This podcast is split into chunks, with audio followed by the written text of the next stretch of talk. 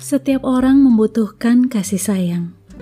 Demikian pula, mereka perlu diteguhkan atas keberadaannya. Karena kerap kali manusia lupa, bahkan gentar, goyah, takut, ciut menghadapi berbagai tantangan dalam hidupnya. Tidak harus keluar biaya mahal untuk mengungkapkan rasa sayang tapi kadang gengsi kita lebih tinggi ketimbang harga suatu barang.